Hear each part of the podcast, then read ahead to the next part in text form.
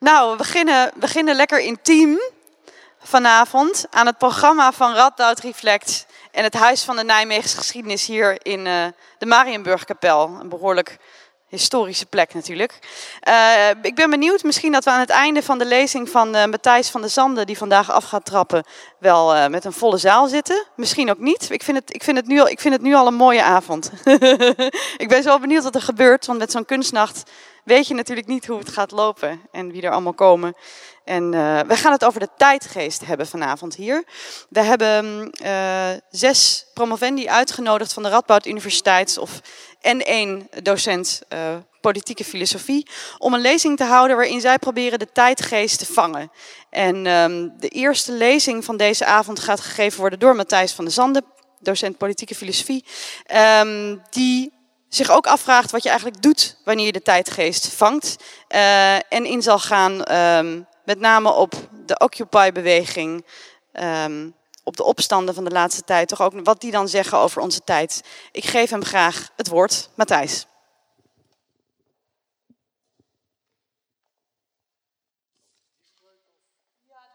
Deze? Ja. Ik deze even aan de kant. Zo. Kunnen jullie me goed verstaan zo? Of? Ja? Oké, prima. Um, in uh, oktober 2011, dus nu uh, zes jaar geleden ongeveer, was ik uh, op bezoek, om het zo maar te zeggen, op St. Paul's plein voor de St. Paul's Cathedral in Londen. En dat was, op dat moment was dat plein bezet door de actiegroep Londen, Occupy London Stock Exchange. Dus de Londense versie van de Occupy-beweging, zeg maar. Um, en toen ik daar was op dat plein, toen viel op een gegeven moment mijn ogen op een straatnaambordje. Dat hing daar op de hoek uh, van de straat aan een van de bankgebouwen uh, die daar langs het plein liggen. En op dat straatnaambordje, dat zag er precies zo uit zoals alle Londense straatnaambordjes eruit zien. Maar op dat straatnaambordje stond Tahrirplein in plaats van St. Paul Square. Dus iemand had dat bordje nagemaakt met Tahrirplein erop en dat daar opgehangen. En de vraag die ik me stelde is natuurlijk, wat, wat wil iemand die zo'n bordje hier ophangt daar nou precies mee uitdrukken? Met zo'n met bordje. Aan de ene kant, je zou natuurlijk kunnen zeggen, dit is een soort uiting van uh, solidariteit of affiniteit met wat revolutionairen eerder dat jaar in 2011 in Egypte hadden gedaan. Um, maar het, het, bordje lijkt wel iets meer te zeggen dan dat. Het lijkt een uitdrukking te zijn van het idee, op de een of andere manier is Tahrirplein ook hier. Op de een of andere manier is wat mensen daar deden in Cairo aan het begin van het jaar, uh, is, dat, is dat hetzelfde als wat wij hier op dit moment op dit plein aan de andere kant van de wereld uh, aan het doen zijn. Ondanks het feit dat er natuurlijk zowel geografisch als temporeel een flinke afstand is tussen Tahrirplein en uh, St. Paul Square. En er ook een acht maanden tussen die twee momenten zat. Ondanks dat claimde men in zekere zin iets te kunnen vangen in die, op die plek. Iets te kunnen grijpen wat een soort geest zou je kunnen zeggen, of een soort inspiratie, die ook op Tahrirplein geleefd had um, eerder dat jaar. En dat geldt niet alleen voor die mensen op, op, op St. Paulsplein in Londen, maar ook in de loop van 2011 waren er zeer veel verschillende bewegingen uh, over de hele wereld, die allemaal uitdrukking gaven aan een vergelijkbaar gevoel van nabijheid. Die allemaal uitdrukking gaven aan dat idee van op de een of andere manier is wat wij hier doen, is dat hetzelfde. Is dat een soort van, je zou kunnen zeggen, bijna een soort reïncarnatie van wat mensen op andere plekken in de wereld ook aan het doen zijn of gedaan hebben. En niet alleen was het een claim op de nabijheid van die andere plekken of die andere momenten, maar het was ook in zekere zin een een, een claim dat er een soort nabijheid was van de toekomst. Wat die bewegingen met elkaar gemeen hadden, was niet alleen dat ze vonden dat ze allemaal op een bepaalde manier samenvielen, maar ze probeerden ook in hun dagelijkse praktijken, in hun vormen van organisatie, in hun interne structuren, et cetera, een soort belichaming te zijn van een toekomst die ze uiteindelijk op lange termijn hoopten te realiseren. Ze probeerden op de een of andere manier, zoals ze dat zelf noemden, dat is een begrip die veel ook door activisten gebruikt wordt, die toekomst als het ware te prefigureren. Dus een toekomst die veraf ligt, al nabij te maken, dichtbij te maken en in het hier en nu als het ware um, te belichamen. Dus om kort te gaan, op al die plekken, op St. Paulsplein en Tahrirplein en talloze andere plekken in de wereld, gaven die bewegingen uitdrukking aan een soort van gevoel van nabijheid met elkaar, maar ook nabijheid met een verre toekomst. En mijn claim van vanavond is dat je eigenlijk die nabijheid, dat je dat als iets heel letterlijks moet nemen. Dus dat idee dat Tahrirplein ook hier is, dat is niet puur een symbolische claim, maar dat is in zekere zin een claim die je heel letterlijk moet nemen. Voor een moment deden, probeerden die, uh, die, die activisten als het ware de tijd even stil te zetten. En voor een moment probeerden ze als het ware de tijd te vangen. En te vangen wat er op al die verschillende momenten uh, volgens hun gaande was. In sommige oren kan dat misschien wat uh, contra-intuïtief klinken. Het idee dat al die verschillende momenten en al die verschillende plekken in de wereld in zekere zin nabij zijn of met elkaar samenvallen. Het kan misschien een beetje zweverig klinken uh, en een beetje esoterisch, maar ik bedoel het uh, bloedserieus. Die activisten die leren ons iets belangrijks over wat het betekent, en dat is toch het thema van vanavond, om de tijd te grijpen. Wat bedoel ik daarmee? Wel, we zijn vandaag gewend om te denken over tijd als iets dat zich volledig in een chronologische orde voltrekt. Tijd wordt over het algemeen voorgesteld als een soort meetbare reeks van opeenvolgende momenten. Als een soort lineariteit, als iets wat in een, in een lijn ligt.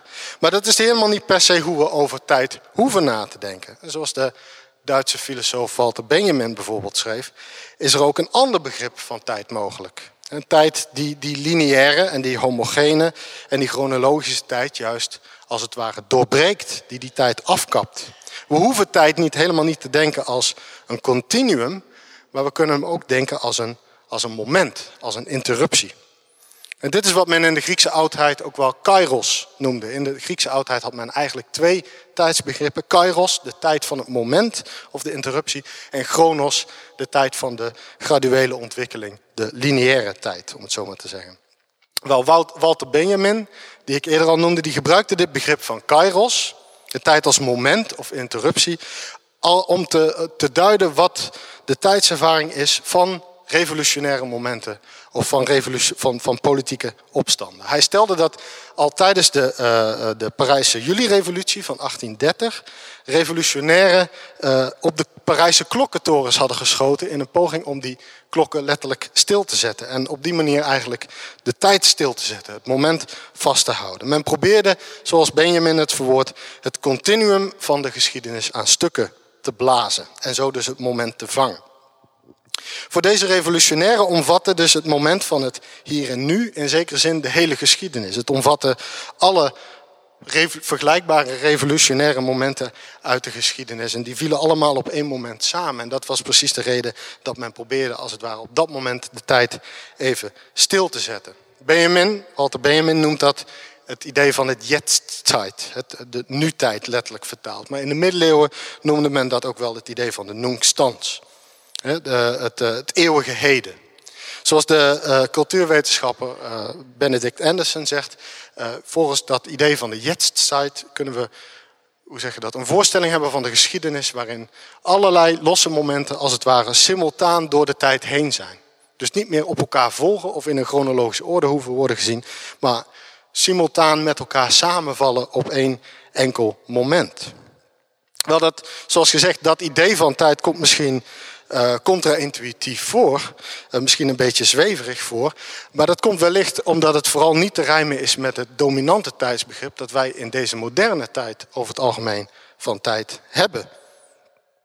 Uh, voor mensen in andere samenlevingen en voor andere tijdsgevrichten echter, was het vrij vanzelfsprekend om na te denken over tijd als iets wat in één moment samengevat kon worden. Was het heel vanzelfsprekend, met andere woorden, om tijd niet slechts als een chronologisch proces voor te stellen. En wat dat betreft is het heel jammer dat we nu net in een kerk zijn waar geen, uh, geen oude schilderingen meer aan de muur hangen. Maar als je naar een oude middeleeuwse kerk gaat, dan zie je soms fresco's of gebrandschilderde ramen waar bijbelse taferelen op zijn afgebeeld. En dan kan het je misschien opvallen dat de mensen in die afbeeldingen heel vaak middeleeuwse kleding dragen. En geen, uh, wel, geen typische klingen die je met, uh, um, uh, hoe zeg je dat, uh, met het Midden-Oosten of aan het begin van de jaartelling zou kunnen associëren. Mensen dragen um, middeleeuwse kleren. Soldaten zien er niet uit als Romeinse soldaten, maar vaak gewoon als middeleeuwse Europese soldaten. En de steden en kastelen op de achtergrond, die zien er heel vaak uit als Europese steden en kastelen. Niet, niet als, noem wat, Judea. Wel, de reden daarvoor is niet dat men in de middeleeuwen geen enkel uh, historisch besef had. En dat men dacht dat de wereld er altijd precies hetzelfde uit had gezien. De, de reden daarvoor was dat men het niet nodig vond om bijbelse verhalen en het verhaal van Christus in een historisch eh, context te plaatsen. Op de een of andere manier overstegen die verhalen uh, en de betekenis van die verhalen die specifieke historische context. Op de een of andere manier uh, konden die, hadden die verhalen ons altijd iets te vertellen en vielen die in zekere zin altijd samen met het heden. Dat is dat idee van een nunc of dat idee van een, een niet-chronologische uh, niet -chronologische tijd.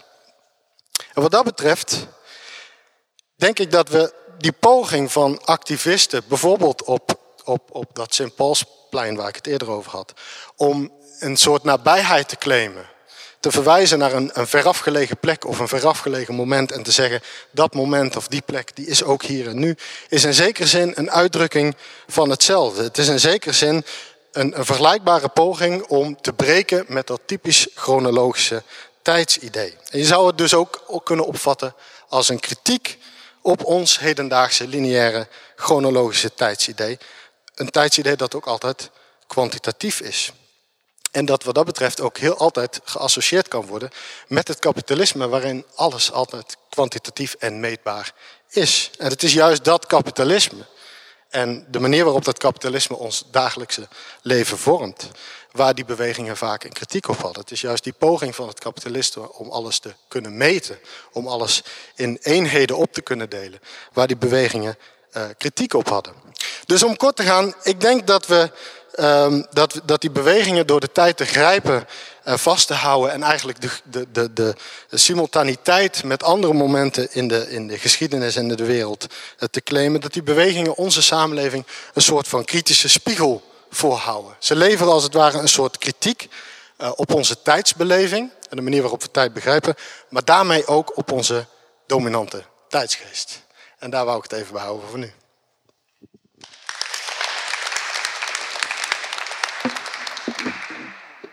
Hou, hou maar even vast. Want um, we hebben nog ruimte voor één of twee korte vragen. En misschien zijn die er wel. Dus ik geef u graag de gelegenheid uh, om die te stellen, als dat zo is. Is er iemand die nog een uh, vraag heeft, naar aanleiding van de lezing van Matthijs van der Zanden?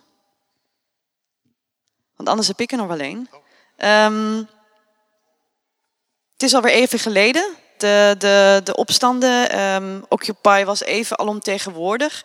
En je geeft heel duidelijk aan, nou, ze, hebben echt iets gegrepen, maar nu lijken ze weer verdwenen. Is dat iets waar, um, uh, ja, hebben ze dan toch wel iets gedaan? Ik merk dat ik dan toch een beetje in die Chronos tijd ga zitten en denk, ja, maar daarin ontwikkelen dingen zich en, en zetten dingen zoden aan de dijk. Terwijl ik van Occupy dan toch het gevoel heb, ja, wat, wat heeft het ons dan opgeleverd?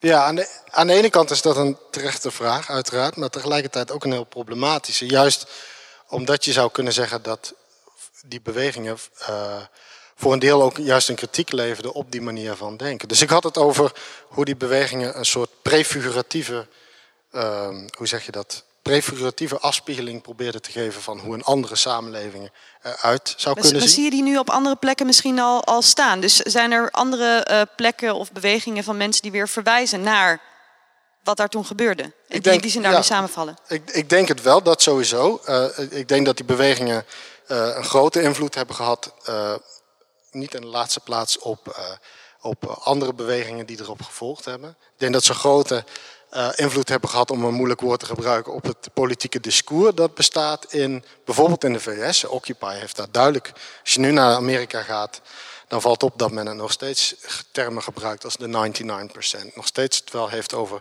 economische klassenverschillen, terwijl, die, uh, terwijl dat bewustzijn veel minder gevestigd was voor die bewegingen.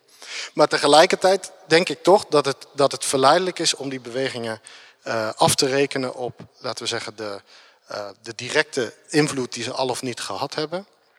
Uh, en daarmee lopen we wel het risico dat we eigenlijk precies te weinig begrijpen wat er voor veel activisten op dat moment zelf echt op het spel stond. Wat niet per se altijd was, morgen willen we daar staan of morgen willen we dit programma gerealiseerd hebben of die eisen ingewilligd zien, et cetera. Maar vooral we willen hier in het hier en nu iets, iets, iets anders doen, iets bijzonders doen. Misschien onszelf ook kritische vragen stellen, experimenteren met alternatieven. En ik denk dat dat dat idee van politiek bedrijven, of van waar een politiek moment over zou moeten gaan, zo in spanning staat, zo in strijd is met hoe we in ons dagelijks leven vaak over politiek denken.